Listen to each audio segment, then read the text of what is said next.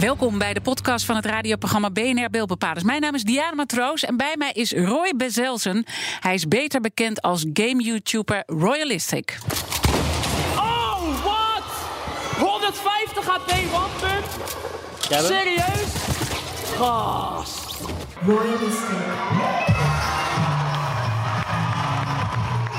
Nou, hij is heel populair, dus ik vind het heel vet dat we hem in het echt zien. Ik speelde de game zelf ook en ik vind het super leuk, want hij is er ook heel goed in. Hij zegt niet alleen tips, maar hij doet zeg maar dingen en waar wij kunnen van kunnen leren. Ja, dit is een van je fans. Ik zie je helemaal smilen. Wat gebeurt er nu bij je? Ja, geweldig. Vind ik gewoon leuk om te horen. Ja, Ja. waarom? Ja, gewoon. Dat, is uiteindelijk, dat zijn uiteindelijk toch eh, de mensen waarvoor je het doet. En dat je dan eh, eigenlijk op deze manier eh, zo'n compliment krijgt tijdens je live show, waar ik natuurlijk niet bij was. Want ik was mijn live show aan het doen. En hij is achteraf denk ik geïnterviewd of tijdens de pauze. En dat vind ik gewoon enorm leuk om te horen. Ja, dit zijn dus je fans. Hoe oud zijn je fans? Ja, is lastig te zeggen. Ik zeg altijd de grootste doelgroep zit hem denk ik tussen de 9 en 15 jaar. Dat is denk ik wel echt bij far de grootste doelgroep. Maar dat wil niet zeggen dat er geen, geen 20-plussers of 16-plussers naar mij kijken. Ik, eh, ik durf wel te wedden dat die, eh, dat die ook eh, aanwezig zijn. Ook bij mijn, bij mijn live shows zijn die ook aanwezig. Ehm, alleen het is, ja, het is heel moeilijk in te schatten. Want op YouTube heb je natuurlijk wel leeftijdscategorieën. Alleen die kloppen meestal niet, omdat mensen als ze een YouTube-account aanmaken ervoor zorgen dat ze 18 plus zijn. Want dan kunnen ze alles kijken op YouTube. Dus ja, je kan er niet heel veel uit opmaken. We moeten denk ik toch nog eventjes, want eh, er zullen fans eh, van jou luisteren, ehm, eh, wellicht. Maar er zijn natuurlijk ook heel veel mensen die denken, wat is Fortnite? Neem ons nog even mee. We hebben net wel allemaal natuurlijk een kort fragmentje gehoord wat het is. Fortnite is een spel waarin je met eh 100 mensen in een bus over een eiland heen vliegt. Nou, dat eiland daar kan je niet vanaf. Dus daar zal je wel op moeten landen. Eh, vervolgens eh, kan je daar spullen vinden, hè, wapens, ammo, et cetera. En uiteindelijk is het de bedoeling dat jij als laatste overblijft. Nou ja, en dan eh, het, ding is dus aan Fortnite, wat het zo heel erg leuk maakt, is dat er een hele grote cirkel is. En die cirkel wordt gewoon steeds kleiner. Tot op een gegeven moment de cirkel zo klein is dat er wel één iemand over moet blijven. Want als je buiten de cirkel gaat, dan ga je weer dood. Dan kom je in de storm terecht. Dus het is een heel erg strategisch spel. Je moet namelijk rekening houden met de, met, met de cirkel. Hè. Daar moet je constant mee meebewegen om in leven te blijven. Maar daarnaast is het ook een kwestie van... Hè, je wil wel veel kills maken om leuke potjes te hebben. Dus als je daar een goede combinatie in kan vinden, dan uh, ja, dat is Fortnite. Ja, en da daar ben je heel goed in als het gaat om het gamen, om het spelen van dat spel. Maar wat jij dus doet, want je bent YouTube-gamer, je, je filmt jezelf terwijl je aan het spelen bent. Vervolgens ga je dat helemaal uh, nou ja, tot een soort show uh, neerzetten. En dan gaan dan fans van jou naar zitten kijken. En toch vraag ik me dan af, wat is dat, dat ze daarna gaan zitten kijken? Ja, absoluut. Ja, ik denk gewoon het hele entertainmentstuk. Kijk, als zij zelf een potje Fortnite spelen... Um, dan is dat natuurlijk ook hartstikke leuk. Maar stel dat je nou beter wil worden in het spel. Ja, wat kan je dan beter doen dan naar iemand kijken die je en tof vindt en wellicht beter is in het spel. Ik wil niet beweren dat ik beter ben dan al mijn kijkers. Ik durf ook wel te wedden dat de mensen naar mij kijken die uh, het spel beter kunnen dan ik. Maar ik bedoel meer te zeggen van hè, mensen kijken het ook als entertainment. Hè, even lekker een potje van Roy kijken, omdat hij gewoon van A tot Z uh, weer even een, uh, een potje aan het spelen is en daarbij de nieuwe updates behandelt. Want dat doe ik bijvoorbeeld ook als er een nieuwe update is in het spel. Dan heb ik het daar even over. En dan vraag ik ook wat mijn kijkers ervan vinden. Gaan ze een beetje discussiëren met elkaar in de reacties. Dus het is meer dan alleen uh, even mijn spel filmen en uh, op YouTube plaatsen. Je moet het ook wel kunnen. In de zin van hè, het hele entertainmentstuk wat erbij komt kijken. En ik denk dus dat dat de combinatie maakt uh, waar mensen graag naar kijken. Ja, want je maakt ook veel grappen volgens mij. Dat klopt, ja. Ik ben wel een uh, grapjesmaker. Ja. ja, vertel eens even een goede grap. Nee, on the spot kan ik het niet. Althans, nee, ik hoorde laatst een uh, leuke. Ik weet niet eens meer waar ik die gehoord had. Maar ehm, er waren eens twee zandkorrels op het strand. dat wordt een hele slechte. Dat heeft niks met die game nee, te maken. Dat heeft helemaal niks ermee te maken. Maar ik vond hem wel heel geinig. Dus er lagen twee zandkorrels lagen op het strand. Zegt de een tegen de ander. Volgens mij zijn we omsingeld. ja, vond ik best leuk. Ja. En die Die, komt best grappig. Maar, maar ben je dan in die game uh, uh, in een soort woestijn met, met zand op dat eiland, waardoor dat in één keer opkomt? Of heeft het echt helemaal oh, nee, dit noem ik nu gewoon wat ik het gisteren op tv heb gehoord, volgens mij. Maar dat, zou zomaar in die game kunnen zitten. Nou ja, bijvoorbeeld. Of in jouw YouTube nou ja, film. kijk, ik ben meer, wel heel erg van de on-the-spot dingen. Uh, met andere woorden. Ja, wat, wat, wat gebeurt er wel eens in mijn video wat ik dan ook gewoon noem? Uh, oh ja, dat, dat, nou, bijvoorbeeld dan ben ik een video aan het opnemen en zeg van jongens, ik heb echt zieke honger. Ik uh, ga naar dit potje lekker ermee kappen, want ik ga eten of zo. Bijvoorbeeld. Weet je, mensen mogen best weten wat er, wat er gewoon echt gaande is. Of uh, van ja, ik zit een potje te spelen, maar ik zit gewoon scheef in mijn stoel. Ik moet zo nog naar het toilet. Maar ja, we spelen hem even af en daarna dan ja. Dat je spreekt gewoon echt alles uit en als dingen fout gaan, gaan ze ja, fout. Maakt ja, niet absoluut. uit. Als ik me verspreek, dan knip ik dat niet eruit of zo. Dan Ja. doe ik gewoon. Oké, even terug, jongens. Ja, dit was wat ik wilde zeggen. Moeilijk praten, hè, Roy? Is Ja. af en toe lastig. En dan praat ik een beetje tegen mezelf. Ehm, ja, ik weet niet. Het zijn gewoon allemaal van die spontane dingetjes eh, die ik gewoon doe in mijn video's. En wat Ja. schijnbaar mensen gewoon leuk vinden. Maar, maar wat er volgens mij interessant er ook aan is, is dat, ehm, eh, kijk, eh, je hebt toch een redelijk jonge doelgroep. Hè? Je zegt, ze zijn ook wel wat ouder, maar het, het zijn niet mensen van 30 plus, hè, denk ik. Het is toch een beetje Ehm, jong tot begin nou, ik zal 20. je- Ik zal je vertellen. bij mijn theatershow, dan hebben zeg maar de ouders de keuze om mee te gaan in de zaal of buiten te wachten. En gek genoeg gaan altijd de vaders gaan allemaal mee. En de moeders blijven in de koffiecorner achter. En dan er zijn ook genoeg vaders zijn geïnterviewd bij mijn show. En zeggen van nou, ik moet je eerlijk bekennen, ik kijk eigenlijk ook altijd wel gewoon mee op de bank. Ja, ik vind het wel leuk. Ja. En laatst bijvoorbeeld bij een boeksigneersessie, eh toen ik mijn boek eh, ging signeren in een winkel. Toen was er ook een vader bij. En die eh, wilde ook met mij op de foto. Die zegt van ja, ik moet je eerlijk zeggen, ik vind het gewoon geinig om mee te kijken. Dus ik vind het nooit erger als zij zeggen van ja, we willen gewoon eens te kijken. Zeg ik nou, zet maar aan, weet je Ja, wel. Dus dan vind ik dat super grappig om Dat gebeurde trouwens ook hier toen je op de redactie een aantal collega's van mij, mannelijke Klopt, collega's, moeten, die stoven op jou af, even een selfie maken, want dat doe ik voor mijn zoon. Ja, maar Ah. doen ze dat dan voor hun zoon? nee, maar dat is toch juist leuk. Ik vind het juist geniaal. Ik bedoel, dat ze, dat, gewoon- dat ze daar gewoon eerlijk voor uit durven te komen. Ja, dat is alleen maar fantastisch, toch? Maar wat, wat zegt het over hoe jij communiceert met je doelgroep? Want hoe anders is het met televisie? hè? Want we weten allemaal, televisie probeert zichzelf opnieuw uit te vinden. En merkt best wel dat ze met kijkcijfers op alle fronten aan het achteruitlopen zijn. YouTube neemt heel veel over. Wat maakt dat YouTube dat daar die connectie met die, met die achterban... Oprechtheid. Ja? Dat is het enige woord wat nu gelijk bij mij te binnen schiet. Oprechtheid. TV is zoveel gescript. Ik kan het uit ervaring zeggen, want ik heb al heel veel dingen voor tv gedaan. Je werkt met de RTL ook samen. Ja, ja, absoluut. En eh, heel veel tv-programma's waar ik al aan heb meegedaan, daar willen ze mij van A tot Z precies vertellen wat ik moet doen. En dat moet je juist niet doen. Ik ben heel erg van mening dat echt, eh, echt entertainment talent zit hem in dingen onder spot kunnen en onder spot kunnen doen. Hè. Gewoon onder spot kunnen presteren. En dat is wat, je, wat ik mezelf heb aangeleerd door YouTube te doen.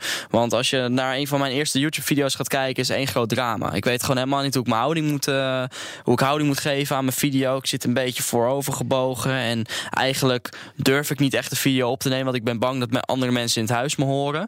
En nu ben ik er super trots op. En met, alle, met, met de grootste trots doe ik een video. Gaat er iets fout? Helaas. Er kan wel eens iets fout gaan. Ik knip het er niet uit. Tenzij het echt zoiets groots is dat je het er wel uit moet knippen. Maar ja, Ja. Ik, eh, ik zie daar nooit echt eh, reden voor. Ja, ik vind zo. het wel, je triggert me wel. Want ik wil zelf heel graag een eh, YouTube-kanaal beginnen. Met, met, eh, want interview is mijn passie. En ik Mhm. Ja. vind het gaaf om bijzondere mensen te interviewen. Nou, zo, zo iemand ben jij ook. En dat doe ik dan hier voor BNR. Maar ik zou dat zelf ook wel op YouTube eh, willen doen.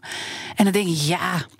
Ja, dan ga ik daar in mijn uppie met een, met, Ja, met een cameraatje. En dan ziet het er niet uit. En ik ben natuurlijk gewend ook. Hè, want ik doe ook dingen voor televisie. En dan heb je belichting. En alles is gescript. Ja. Dus ik vind het gewoon een beetje eng. Ja, nou, merk dat ik. kan ik heel goed begrijpen. Ja. En dat is ook bij mij ehm, eigenlijk eh, doorslaggevend. Want ik weet nog wel, de eerste, een van de eerste keren toen ik op eh, tv kwam... eh, toen had ik eigenlijk een beetje verwacht dat het, dat het ongeveer was zou zijn zoals op YouTube. Hè? Gewoon lekker je ding doen. Maar nee, er kwam gewoon een script voor mijn neus. En dit was waar ik me een beetje aan moest houden. Dit waren ongeveer een beetje de richtlijnen.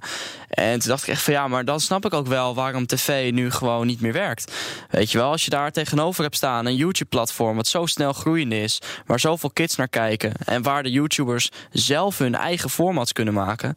Ja, dat is toch ook gewoon fantastisch. Zoals niemand, niemand zal mij vertellen op mijn YouTube-kanaal wat ik wel of niet mag uploaden. Ja, en, en je spreekt ze daarop aan, maar dan zeggen ze toch, eh, nou, zou je toch wel even hier aan willen houden? Ja, is dat hoe het gaat? richtlijnen. Dat is eigenlijk wel altijd Ja. zo. Ja, ja. En Wat ik vind je ga daarvan? verder geen namen noemen, maar ja, wat ik daarvan vind, ik vind dat eh, niet slim.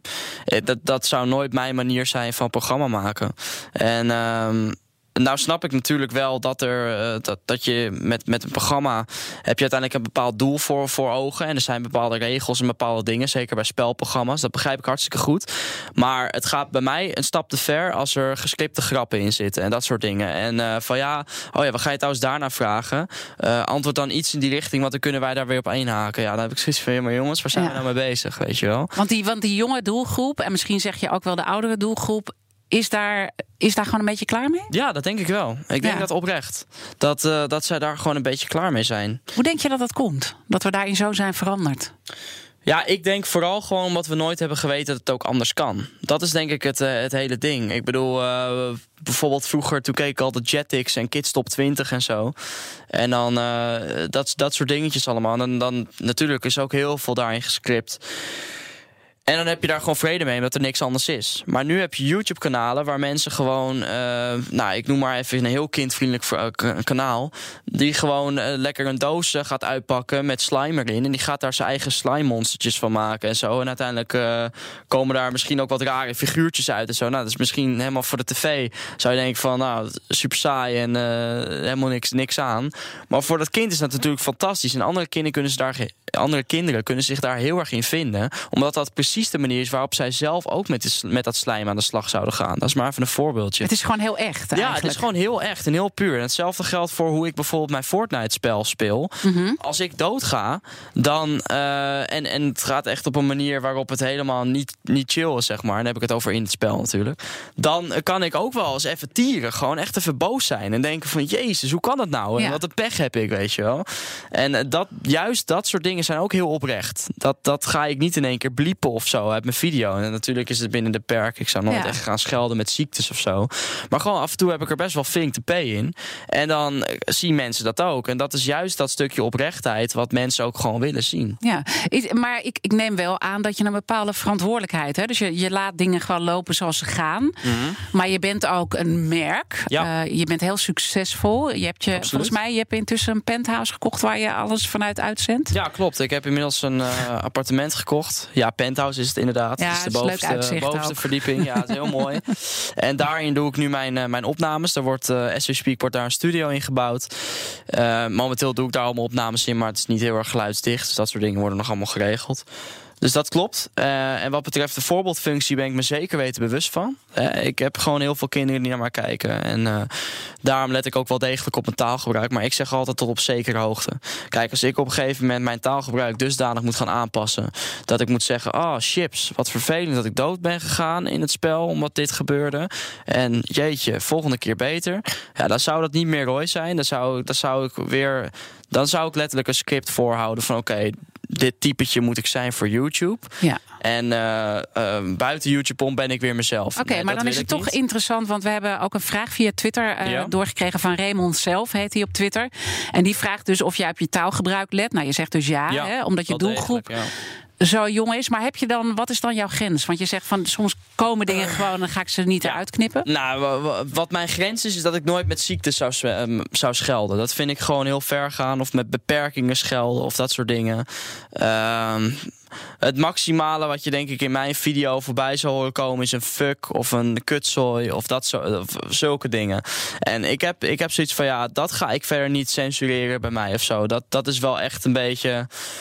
Dat zou echt te ver gaan. Als ik dat inderdaad ga vervangen door ah, chippies of ah, vervelend of ah, ja, dat Ja. soort dingen. Dat, Dat werkt, moet er eh, al ben je als niet rooi. Nee, dat absoluut niet. Ja. En eh, kijk, ik heb natuurlijk inderdaad heel veel kids die naar me kijken. Maar ik heb ook heel veel 16-plussers die naar me kijken. En die zouden echt afhaken als ik, da, als ik zo een... Als je eh, chips gaat zeggen. ja, als ik zulke woorden ga roepen, wat Ja, nou, niet ik, bij mij past. ik ben een stukje ouder, maar ik vind dat ook dat niet de chips. En nee, ik heb, ik heb ook niet. zoiets van, want heel veel, heel veel. Er zijn natuurlijk ook bepaalde eh, een aantal ouders die dan zeggen van ja, maar ook dat vind ik niet fijn als je kut roept en fuck en oh, eh, fuck dat. Want dat zeg ik wel eens. Ja. Fuck dit jongens, hoe kan ik hier nou zo doodgaan? Dat is even een voorbeeldje. Dat ik dat wel eens eruit kan gooien. En als ze zich daar niet comfortabel bij voelen, dan zeg ik ook altijd eerlijk tegen ze. Ja, oké, maar zoals je nu mijn video's kijkt, dat is echt tot hoe ver ik wil gaan in mijn, ehm, in mijn ja, hoe zeg je dat? Mijn taalgebruik, zeg maar. In hoeverre Ja. ik daarop wil letten. En vind je dit alsnog te ver gaan? Dan zou ik gewoon echt zeggen: laat Jan, je kinderen niet naar mij kijken. Want Het is gewoon een taak voor de ouders. ja, je. vind ik wel. Ja. Vind ik absoluut. Want ehm, hè, YouTube. is natuurlijk wat dat betreft ook wel best wel onveilig voor kinderen. Laten we daar eerlijk over zijn. Als je als kind een YouTube-kanaal aanmaakt, kan jij gewoon zeggen: Ja, ik ben 18 plus. En vervolgens kan jij gewoon filmpjes kijken van vechtpartijen en eh, dat soort dingen. Ehm, nou, natuurlijk niet dat mensen doodgaan of zo in filmpjes, of dat wordt ook door YouTube weer gecensureerd. Maar een vechtpartij kan jij gewoon zien. Of. Ehm, best wel heftig nieuws. Hè? Eh, geen jeugdjournaal-items, zeg maar. Kan jij gewoon zien als jij een 18-plus-account hebt.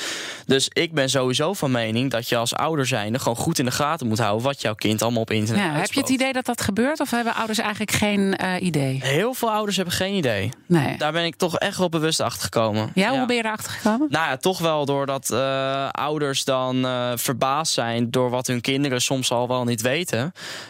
doordat ze dat gewoon op internet hebben gelezen of gezien. Geef of voorbij zien komen Um, mijn, of ja, niet zeg maar van mijn.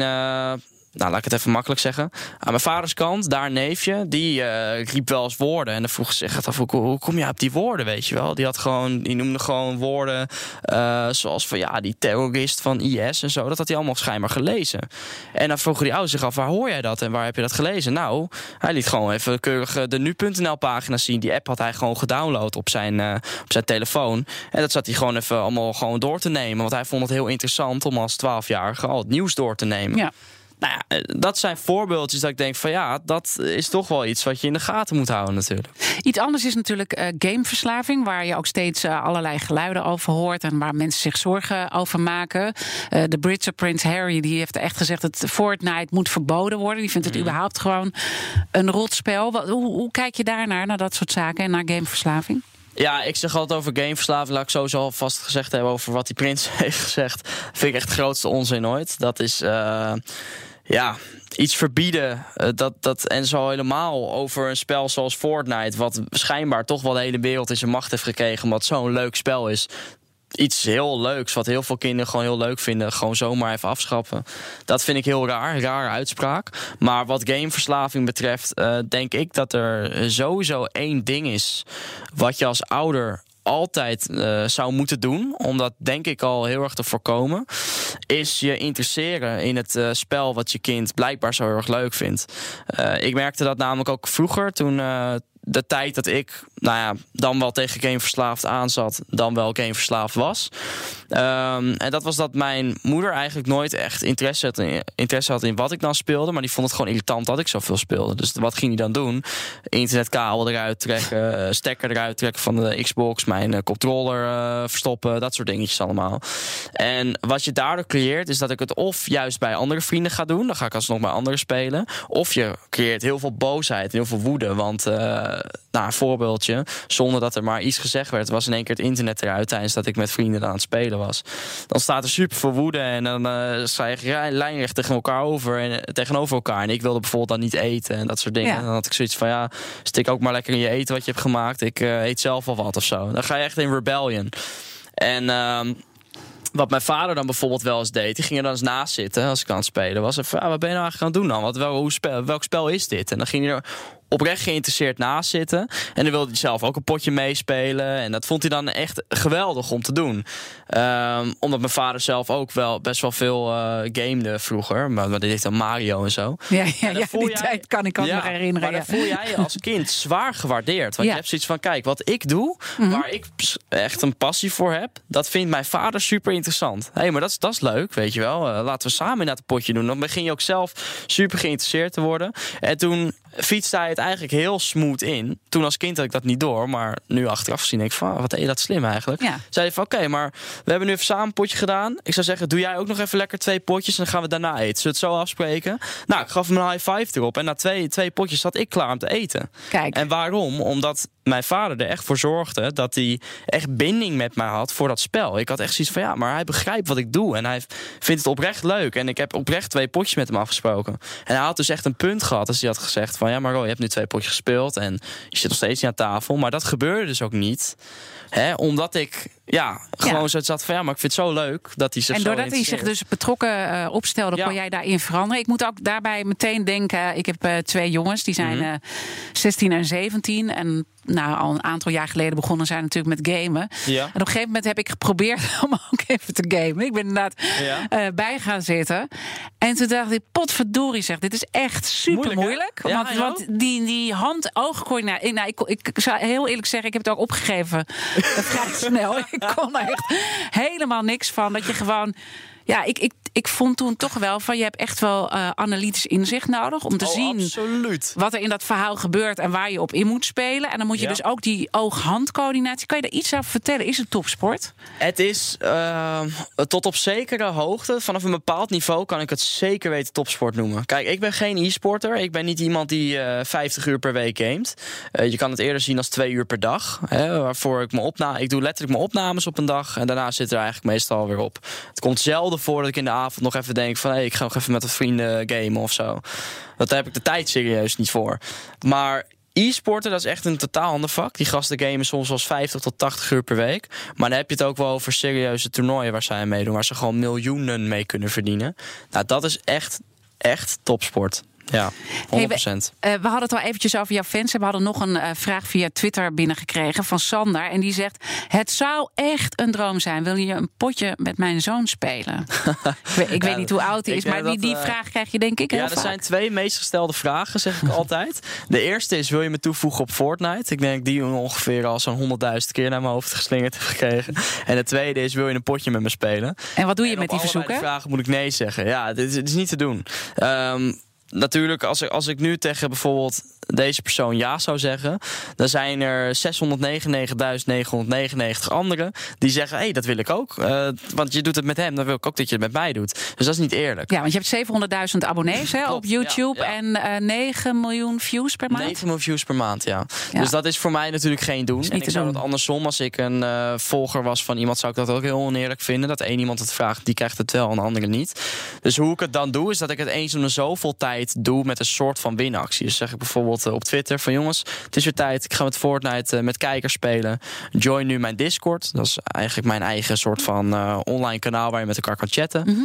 En daar selecteer ik gewoon drie random mensen. Dus daar moet je gewoon geluk mee hebben. En daarmee ga ik spelen. Dus, dus zo compenseer ik het eh, in die zin. Dus dat het gewoon om de zoveel tijd random een keertje is. Niet dat ik gewoon maar eh eh, lukraak een keer op een willekeurige dag iemand uitkies. Ehm, of iemand toezeg, iemand voortrek. Van oh ja, maar, jij hebt een royalistic shirt, dus met jou ga game of zo. Dat is natuurlijk niet de way to go. Dus zo probeer ik het gewoon toch eerlijk te houden voor iedereen.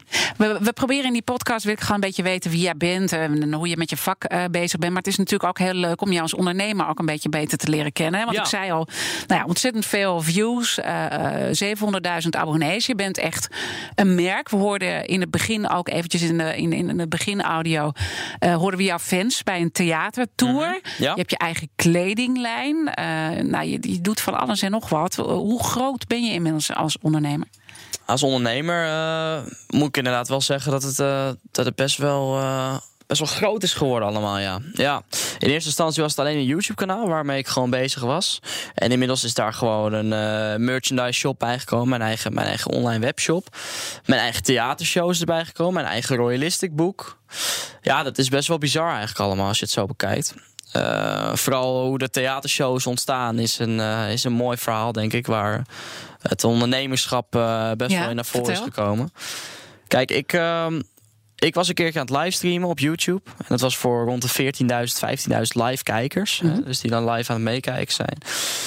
En op een gegeven moment had ik gewoon zoiets van... ja, maar jongens, als hier zoveel mensen naar kijken... jullie vinden het allemaal zo tof. Dat besprak ik letterlijk live in die stream. Ik zeg, waarom zouden we dan niet gewoon een keertje echt live doen? Dat ik ergens gewoon live ga gamen.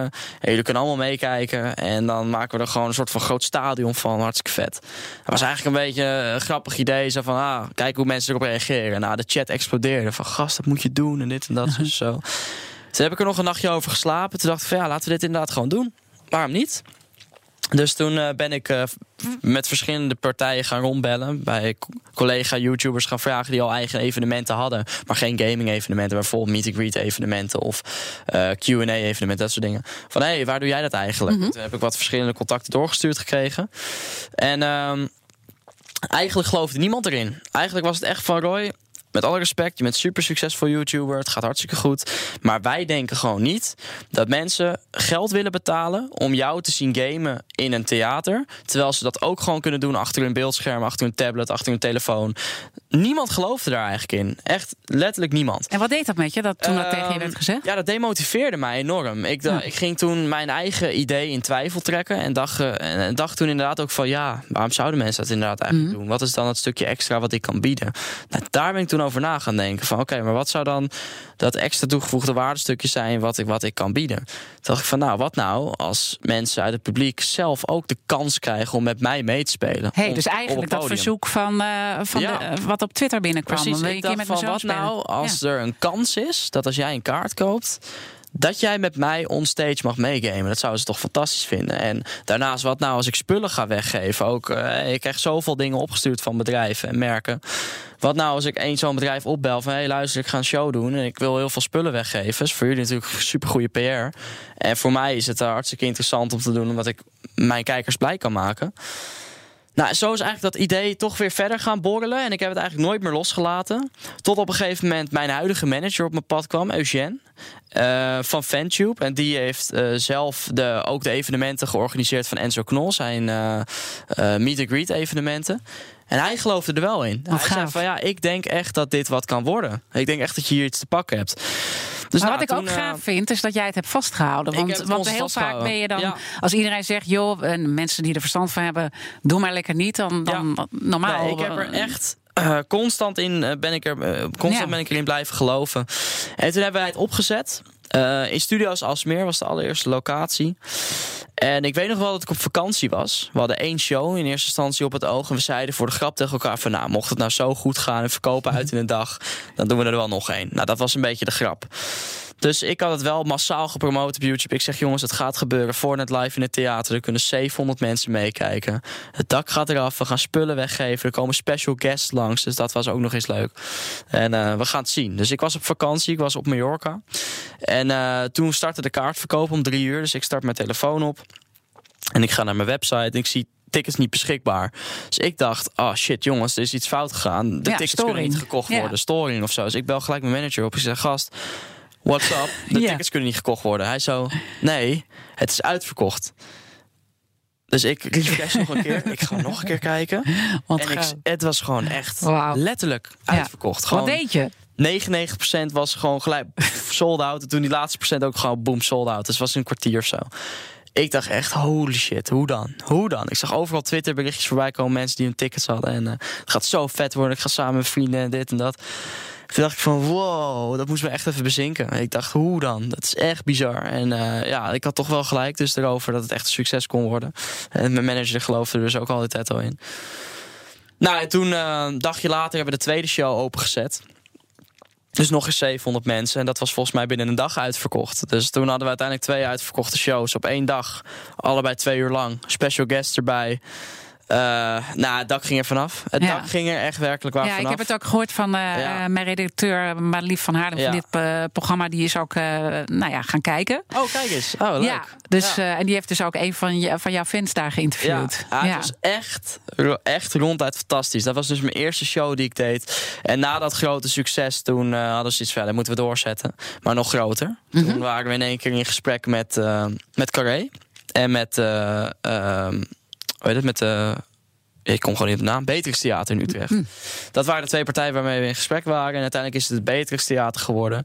Nou, toen moest ik het nog maar waarmaken. hè. 1600 stoelen. Prijs werd ook wat meer, omdat het natuurlijk een grote theater was en zo. En ook dat verkocht gewoon uit in een weekje of zo. Dus toen eh, hebben we het in het Beatrix Theater gedaan met Rode Kruis erbij. Acer, hele grote namen. En Uiteindelijk Rode nog een, Kruis, want het was dus eigenlijk ook nog een hulpactie die eraan verbonden werd. Ja, ik heb uiteindelijk aan het waarom, Rode Kruis waarom heb je dat hebben gedaan? Ik heb uiteindelijk aan het Rode Kruis 15.000 euro gedoneerd. Per verkochte ticket 5 euro naar het Rode Kruis. Uh, Rode Kruis was namelijk op zoek naar precies mijn doelgroep eigenlijk. En ze wilden die bereiken op een leuke, frisse manier. Zodat ook de kids zoiets hebben van, ah, dat is dus het Rode Kruis. Nou, hoe hebben ze dat nou gedaan? Dat hebben ze gedaan door de hele zaal, uh, zeg maar buiten in de foyer, Rode Kruisachtig aan te kleden. Er was bijvoorbeeld een buggy waarin je kon meerijden, waar eigenlijk normaal gesproken iemand op vervoerd zou worden die gewond is. Dus die kon dan op de brancard liggen en die kon dan een soort van experience door een rondje te rijden door het theater kon die krijgen. Je had een, uh, een grote box, uh, een soort van geur en um, sensatiebox waar je echt kon ervaren hoe het is om als Syriër bijvoorbeeld, uh, hoe, dat, hoe, hoe die mensen dat ervaren hebben. Dus qua dat je schoten hoorde en zo. En er kwam in één keer veel rook van het zand. En ja, dat, dat schijnt echt een bizarre ervaring geweest te zijn. Er was een box en ook stond constant een super lange rij bij. Dus ja, dat soort dingetjes allemaal heeft het Rode Kruis gedaan. Daarnaast hebben ze ook sprekingen gehouden voor ouders. Dus voor hun was het super interessant. En ik had zoiets van, nou, dat is voor mij ook leuk. Dan ga ik jullie een bijdrage doen, 5 euro per verkocht ticket. Zodat mijn kijkers mijn fans, als ze naar mijn evenement zouden komen, dat ze eigenlijk ook toch onbewust, of dan wel bewust, een bijdrage zouden doen aan het goede doel. Nou, dat vond ik gewoon fantastisch om te doen. En dat hebben we toen gedaan. Einde check overhandigd. Dat was echt bizar. Dat was ook allemaal live te volgen op mijn YouTube-kanaal. En uh, ja, toen laatst dus nog een Royalistic Live Tour gedaan. En nu zijn we al aan het koken voor de volgende show. Ja. Als mensen er meer over willen weten, want je bent heel serieus met je merk bezig. Uh, eh, um, ehm, BNR Beeldbepalers, hè? De, de, het radioprogramma dan, want dit is de podcast. Ja. hebben uitgebreid ook met je over gesproken. Dus dat uh, raad ik zeker mensen aan om hier nog even terug te luisteren. Want, Absoluut. Ja. Uh, mensen kunnen ook veel leren hoe jij met die jonge doelgroep omgaat en hoe je je merk allemaal hebt opgebouwd.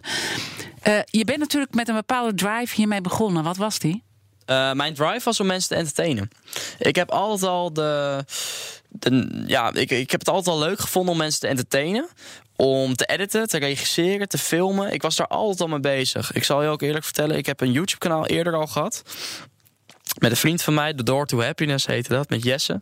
En uh, met hem samen heb ik eigenlijk die hele passie ontdekt. Hij, hij deed het al. En ik ben toen mee gaan werken in zijn video's. We hebben toen letterlijk uh, live, uh, live action video's gemaakt. Waar dat er in één keer een straaljager over ons heen vloog. Dat hadden we dan ingeëdit. En ehm, dat we een eigen soort van horrorfilmpje van vijf minuten hadden gemaakt. Dat soort dingen. Daar was ik altijd al mee bezig toen ik echt 13 jaar was of zo. En daar merkte ik gewoon van, ja, ik vind het gewoon veel te leuk. Ik hou hier gewoon van, dit past bij mij. Uh, nou, en daarin ben ik eigenlijk, dat heb ik nooit meer losgelaten. Van ik weet dat dit mijn passie is en dit wil ik gewoon doorzetten. Vooral het stukje entertainment. En dat is gelukt. Dat is gelukt, ja. ja. En, en eh, ervaar je, want het is natuurlijk één uh, groot uh, nou, positief verhaal. Mm maar vind je ook dingen er moeilijk aan? Ervaar je druk misschien van het publiek? Uh, ja, twee dingen zijn er moeilijk aan. Wat ik nog steeds, uh, waar, waar je nog steeds wel elke dag gewoon tegenaan kan lopen. Eén is dat je je privacy eigenlijk zo wel kwijt, ja, gewoon bijna wel kwijt bent. Als ik over straat ga, of laatst nog toevallig ging boodschappen doen, gewoon bij mij in mijn, uh, in mijn dorp. En je wordt constant aangekeken, constant nagekeken. Als je uit, het, uh, uit de winkel loopt, gelijk gevraagd voor foto's. Staan er meestal superveel meer mensen bij, want die hebben elkaar geappt en zo. Dus je privacy ben je wel een soort van kwijt als je naar buiten gaat. Als je op openbare plekken komt in Nederland. Ja, ook, ook niet ehm, prettig voor je vriendin lijkt me. Ze zitten, ja. hè, zitten hier bij uh, ons in de mhm. studio. Ja, dus, Gaat niet meepraten, heeft ze gezegd. Mm maar, maar misschien kan je er wel iets over vertellen. Nou ja, inmiddels zijn we er wel allebei denk ik wel goed aan gewend. Ze zit ook mhm. regelmatig in de vlogs. Als we samen gaan vloggen, dan uh, zit ze er eigenlijk ook vrijwel altijd heel, wel in. En ze vindt het ook wel leuk hoor. Ik bedoel, ik, ik wil niet zeggen dat ik het uh, vreselijk vind om met mijn eigen kijkers op de foto te gaan. Want dat vind ik fantastisch. Ja. Alleen af en toe, er zijn er wel eens van die dagen dat je er gewoon even geen behoefte aan hebt. Of dat je juist zoiets hebt van even lekker met mijn vrienden boodschappen doen en even niks met ja, dus YouTube dus of zo. En dan, dan uh, loop je er ook tegenaan. Dat soort dingen. En dan, dan is het wel eens lastig dat je niet even een masker op kan doen of zo en even gewoon normaal uh, boodschappen kan doen. Vind je het trouwens nog irritant om naar jezelf te kijken? Want je, nee. want, je, je, je, je, monteert dat natuurlijk. Nee, valt me eigenlijk best wel mee. Ja? ja? Denk, je denkt gewoon van leuke jongen. Nou, dat, dat zegt mijn vriendin al tegen me. Nee, nee kijk, uh, ik heb zoiets van... Uh, ik, ik, ja, ik weet dat ik het ben. Ja. En uh, ik edit het. Maar het is niet dat als ik het op YouTube plaats... dat ik het nog even uitgebreid terug ga zitten kijken. Nee. Tenzij vrienden van mij zeggen van... Ah, zullen je eigen video nog even één keer terugkijken? Nou, dan kijk ik het soms nog wel eens mee ook. Maar, uh, hey, je was eigenlijk, want je zei twee dingen. Wat is dat andere? Uh, dat tweede ding, god, is dat het ook weer? Uh, je hebt dus privacy. Ja, kom ik zo. Ja, ik ben het kom even los, jezelf. eh, nee, het maar maakt, eh, ja. maakt helemaal niet eh, uit. Ehm, wat ik ook nog even aan je wilde vragen. eh, deze opname is een podcast. Mhm. En op 6 juni worden voor de tweede keer de Dutch Podcast Awards Vergeet uitgereikt. het alweer. Sorry dat ik je onderbreek, maar anders vergeet ik het weer. Oké, dan kom je weer even Ehm, terug op dat punt. Gaan ja. we zo naar die... eh, Ja, ja, is dat ik elke dag eh, gewoon een volle agenda heb. Dat Ja. is af en toe ook wel eens lastig. Dat ik zoiets heb van ah, even, even lekker niks of zo vandaag.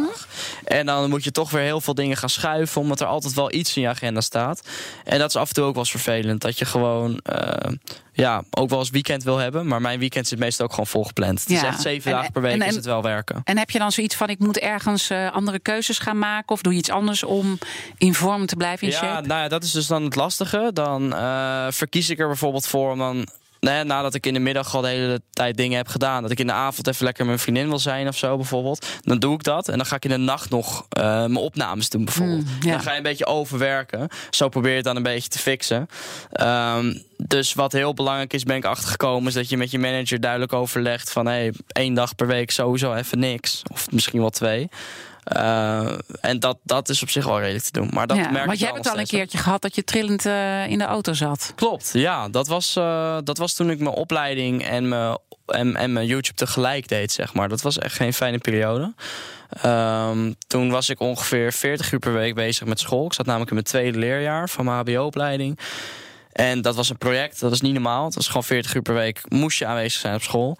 En ik was ook rond die tijd 40 uur per week bezig, minimaal met mijn YouTube-kanaal. Nou, toen maakte ik overuren en ik, ik liep er al de hele tegenaan. Het was de hele tijd al als ik naar school moest. Want soms werkte ik wel tot vier uur s'nachts door om dan net alles weer af te krijgen. En dan moest ik om zeven uur opstaan, nog even snel mijn video uploaden, nog even snel titel bedenken, nog even snel dit, even snel dat. En dan weer op naar school en dan vergat je wel eens iets en dat frat je helemaal op van binnen. Tot op een gegeven moment inderdaad een moment dat ik ik weet gewoon echt dat als de dag van gisteren dat ik in mijn auto zat. En dat ik, voor, dat ik net door een stoplicht eh, heen reed. En toen flitste in één keer iets door mijn, door mijn hoofd heen. En ik begon een beetje te trillen en zo. En toen ervaarde ik een soort van lichte paniek of zo. En dat heb ik normaal nooit. Echt nooit. En ik was er ook niet bewust mee bezig, maar het gebeurde gewoon. En ehm, ja, dat was denk ik wel het moment dat ik gewoon echt voelde dat het allemaal even te veel werd. Werd ik ook heel licht in mijn hoofd. Ben ik ook even gestopt met mijn auto. Ja. En toen dacht ik van ja, ik moet hier gewoon mee stoppen. Nou, toen heb ik diezelfde dag nog, heb ik dat aan mijn ouders verteld. Echt nog heel veel gesprekken over gehad. Want mijn moeder wil natuurlijk wel weten wat de gedachte erachter was. En niet dat ik zomaar even lukraak ging stoppen met mijn opleiding. Heel goed uitgelegd en ze begreep het volledig. Toen mijn opleiding toch echt stopgezet en eh, fulltime verder gaan met YouTube. En laat ik één ding gezegd hebben. Op mijn niveau van waarop ik YouTube deed en mijn inkomstenlevel en zo, ik had echt al een houvast. En ik zou ook echt alleen dat aanraden aan andere mensen. Als je al echt een houvast hebt en zeker weet dat je iets hebt waar je op verder kan borduren. En anders maak gewoon die school af. Hè? Dat is eigenlijk wat je zegt. Wat, wat, wat goed. Hey, we komen bijna een beetje aan het eh, einde van dit eh, gesprek. Maar ik wil toch nog eventjes Ja. vragen naar welke game podcast. Ja, ik bedoel, ik weet niet of die er zijn eigenlijk. Want, Eh. want ik zei op 6 juni worden voor de tweede keer de Dutch Podcast Awards uitgereikt. Ja. Nou, vonden we het leuk om te kijken. Nou, jij bent nu te gast bij ons bij een podcast. Mhm. Maar luister je zelf naar podcasts? Er zijn podcasts binnen Fortnite waar ik zeker weten naar kijk. Dat noem je de Fortnite World Cup. Dat zijn letterlijk eh, de Fortnite toernooien. Maar achteraf hebben ze dan een podcast dat bijvoorbeeld de grootste eh, Fortnite streamer of de grootste Fortnite gamer die schuift dan aan om te vertellen hoe hij naar zijn beleving heeft gepresteerd in het toernooi, wat hij vond van de andere spelers, ehm, wat er naar zijn beleving beter kan in de game, hoe kan een World Cup nog verbeterd worden. Dat vind ik super interessant om te kijken. Daar kan ik echt uren naar kijken. Ja. Zijn er nog andere dingen die we van jou moeten weten? Alle dingen die je van mij moeten weten. Ehm, dat vind ik een goeie. En normaal kom ik altijd op dat soort dingen als ik dan aan het douchen ben of zo. Ik denk van, oh ja, ja dat is eigenlijk wel grappig dat het echt zo'n feitje van mij is. Maar eh, ja, ik ben een enorm fan van auto's. Misschien is dat wel iets leuks om te vertellen. Dat ik een gamer ben natuurlijk. Eh, van, van beroep voor mijn YouTube kanaal. Maar ik ben een onwijs groot fan van auto's. Ja, dat wist mijn zoon me dan weer te vertellen. Ik weet Oh. dat hij een hele dikke auto heeft. ja, nou, dat ga ik niet ontkennen. ja, wat voor auto is het? Want dat heb ik niet gevraagd. ik heb de nieuwste Mercedes A-klasse. Oké. Dus die is echt Doet het eh, goed. alle nieuwste snufjes. eh, ja, vertel ik met trots hoor. Allemaal lettering en zo. Ja, daar ben ik wel heel blij mee nog Ja. steeds. Maar hoort het ook fijn. toch ook nog een beetje bij je merk dan? Nou, ik vind vooral, eh, kijk, ik ben dagelijks ben ik onderweg. Ik ben elke dag ben ik wel aan het rijden. En dan heb je ook gewoon een fijne auto nodig. Dan heb je er ook heel veel aan, want ik zit, ik leef zo wat in die auto. Ehm, dus ja, voor mij is het gewoon super belangrijk om een goede auto te hebben. Dat is eigenlijk de achterliggende gedachte. En daarnaast ook natuurlijk dat ik gewoon een hele mooie auto vind. Ja. Laat eerlijk zijn. Ja. Tot slot, nog tips voor jonge gamers? Ehm, tips voor jonge gamers. Dus niet per se YouTubers, right? Gewoon, gewoon mensen die gamen. Ja. Dan zou ik zeggen, zou je dan best naar mij? Eh, Wie ik zwaait naar jou? Ja, daar beneden. Drie Oh, dat is weer een fan, zeker. Ja, Ja, ja. die gaat jou opwachten straks om weer Oh, een selfie te nemen. Gelukkig heb ik al mijn auto in de garage staan. Oh, dan kan je snel wegsneaken. nee, maar eh, tips voor jonge gamers. Ik ben zelf natuurlijk ook een jonge gamer geweest. En ook echt wel lichtelijk verslaafd eraan geweest. Dus waar ik de jonge gamers voor zou willen behoeden. Natuurlijk, gamen is superleuk. Maar probeer wel de andere dingen die je ook belangrijk vindt in je leven, zoals eh, sociaal contact met je vrienden onderhouden, eh, verjaardagen, et cetera. Gewoon op tijd eten aan tafel, gezellig ook met je familie dingen, dingen doen. Probeer dat wel in balans te houden met het, met het gamen. Ja, en als je dan merkt van het gaat niet helemaal goed, want waar merk je dat aan? Ja, ik merkte het dat ik eh, tegen een gameverslaving aan zat, dan wel dus gameverslaafd was. Toen de tijd, toen ik ehm, mijn avondeten ging overslaan, of dan, dan had ik gewoon zoiets van. Oké. Dan was ik bijvoorbeeld alleen thuis. En dan ging ik pas eten om half acht 's avonds. Terwijl ik normaal om zes uur 's avonds eet. En dacht ik van, waarom doe ik dat nou eigenlijk? Oh ja, ik vond het spel even belangrijker. Nou, dat soort dingen. Dat zijn, dat zijn wel signalen waar je aan kan merken van oké, ehm, ik vind andere dingen nu toch wel belangrijker Ja. Eh. en wat moet je dan doen als je dat bij jezelf merkt? Want je zegt, misschien zat ik er tegenaan, dan wel, ik had het. Ja. Maar eh, je, Ja. je bent niet naar een deskundige geweest, Nee, dan denk nee, ik. dat is heel lastig, vind ik nog steeds. Want eh toen er tijd, als je mij toen zou vragen, zou ik zeggen: nee, ik vind het spel gewoon heel leuk. Ik doe het met vrienden. En uiteindelijk ben ik ook van mening dat het zo slecht nog niet was. Omdat met mijn vrienden waarmee ik toen gamede, dat waren vrienden de- waarmee ik op school gewoon elke keer chillde en zo. En in plaats van dat wij na school dan bijvoorbeeld bij elkaar thuis gingen gamen, deden we dat gewoon online. Dus op zich is het zo slecht nog niet, weet je. Mensen maken alsnog wel sociaal contact online. Alleen hou het wel binnen de perken. En dat was het bij mij op een gegeven moment niet nee, meer. maar hoe los je het dan op? Dat is heel lastig. Ik weet het eerlijk gezegd ook Maar niet. jij hebt het opgelost. Ja, ik heb het uiteindelijk, eh, ik heb het uiteindelijk opgelost. Ehm, ik denk toch dat. Bij mij was het in ieder geval zo, spreek even namens mezelf. Dat ik op een gegeven moment inzag dat ik mijn vrienden te weinig ook in het echt nog zag. Het was voornamelijk online. En eh, dan af en toe een verjaardag en zo. En ik merkte dat ik wel ook heel erg toe was. Hè. Ik werd op een gegeven moment 16. Je mocht op een gegeven moment alcohol gaan drinken. Dat ik eraan toe was om, hé, hey, laten we even bij elkaar eh, thuis gewoon gaan chillen. Drinken we lekker wat. eh, weet je, drinken we een biertje. Gaan we lekker pokeren met z'n allen bijvoorbeeld samen. Op een gegeven moment dat, dat echte fysieke contact. Dat begon ik als 16-jarige te missen. En toen merkte En je hebt gewoon actie ondernomen. Dus dat Ja. lukte bij jou wel. Dus dat is goed dat je Ja. daar eh, op wijst. Ik zei net al even laatste vraag. Maar er zit toch nog eentje. Want dat is zo leuk met podcast. Je kan gewoon eindeloos doorpraten. Ja, ja, absoluut. Eh, heb je nog een droom?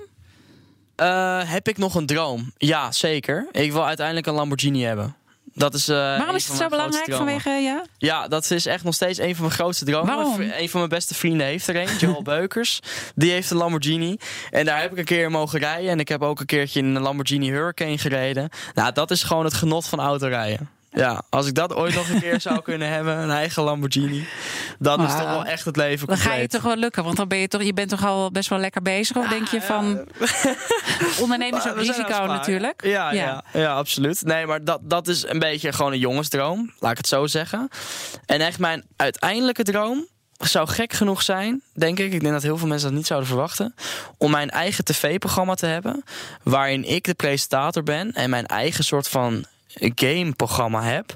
Waar je dus, eh, ik, ik zeg altijd een beetje het Ver- Veronica Insight. Dus hè, dat, dat voetbal Insight op Veronica, waar ze het gewoon, de rode draad is voetbal. Ja. Maar ze hebben het eigenlijk ook, ook van- van alles nog wat. Ik zou dat willen hebben met gaming. De rode draad is gaming. Ja, dat is uiteindelijk waar uiteindelijk alle onderwerpen een beetje op neerkomen. Maar als wij het hebben over de nieuwste release van, van Femke Louise, wat we daarvan vinden met z'n allen aan tafel, dan Dat is moet het een ook super gewoon kunnen. idee? Dat zou ik echt fantastisch vinden. Ja, maar heb je dan niet al lang geplucht dan? Eh, ik heb al wat rondgevraagd en zijn Ja. partijen geïnteresseerd, maar het komt altijd weer op geld neer, wat, eh, wat dan weer moeilijk is. Ehm, Waarom ga je het zelf niet gewoon doen? ja, dat is een beetje het lastige. Kijk, ik kan het op mijn YouTube-kanaal gaan doen. Ehm, maar ik wil er niet te veel omkijken zelf naar hebben. Dat is een beetje het ding. Ik wil daar gewoon als presentator aan kunnen schuiven met mijn vaste Pas tafelgasten. op, hè, want je bent straks geformateerd. Dat wilde je juist niet. Sorry? Dat wilde je juist Oh, niet. nee, een maar- format, een script. Want nou Klopt, kom je een aan. rode, een rode draad, dat is natuurlijk als je gaat presenteren, moet je wel iets hebben om over te praten. Maar ik zou ten alle tijde niet een scriptje voor gaan lezen wat ik moet vertellen of zo. Dat zou ik nooit doen. Absoluut niet. Volgens mij gaat het je lukken. En eh, ik vond het ontzettend leuk om met je te praten. En ik wil je ook. Eh Ja, dankjewel. Ik wil je ook bedanken. Want je hebt mij ook weer getriggerd dat ik gewoon dat YouTube-kanaal moet gewoon doen. beginnen. Ja, waarom niet? Ook is het gewoon wat heel heb je te verliezen? Dat is het. Nou ja, wat ik te verliezen heb, is dat ik denk van ik ben eh, op zo'n professioneel niveau gewend om te werken met een heel Mhm. team. Ja. En dan ga ik daar een beetje suf in mijn eentje zitten vreubelen. Weet je, Snap dat ik, is gewoon wat me ik. Maar als tegenstaat. dat, als dat iets is in jouw carrière wat jij nu nog mist, waarvan jij zegt, Ja. van, maar dit ontbreekt echt nog, waarin ik mijn laatste beetje, of toch nog een soort van het restje creativiteit, wat ik op een dag toch nog over heb, waar, wat ik dan heel graag daarin zou willen stoppen, waarom zou je het dan niet doen? Ik, eh, je hebt me aan het denken gezet. Ja, toch? Ja, dankjewel. Ja, geen probleem. Dit was de extra podcast van BNR Beeldbepalers. Dank dus Roy Bezelsen, beter bekend als game-YouTuber Royalistic. Wil je meer afleveringen van BNR Beeldbepalers horen? Ga dan naar bnr.nl slash beeldbepalers. En natuurlijk hoor je BNR Beeldbepalers elke dinsdag live om drie uur BNR Nieuwsradio. En terugluisteren kan zoals altijd via de site, de app, iTunes of Spotify. Daar is trouwens ook eh, de uitzending terug te luisteren met Roy eh, over jou als merk. Dus dat, eh, luister dat zeker nog eventjes terug. Mijn naam is Diana Matroos. Eh, dag.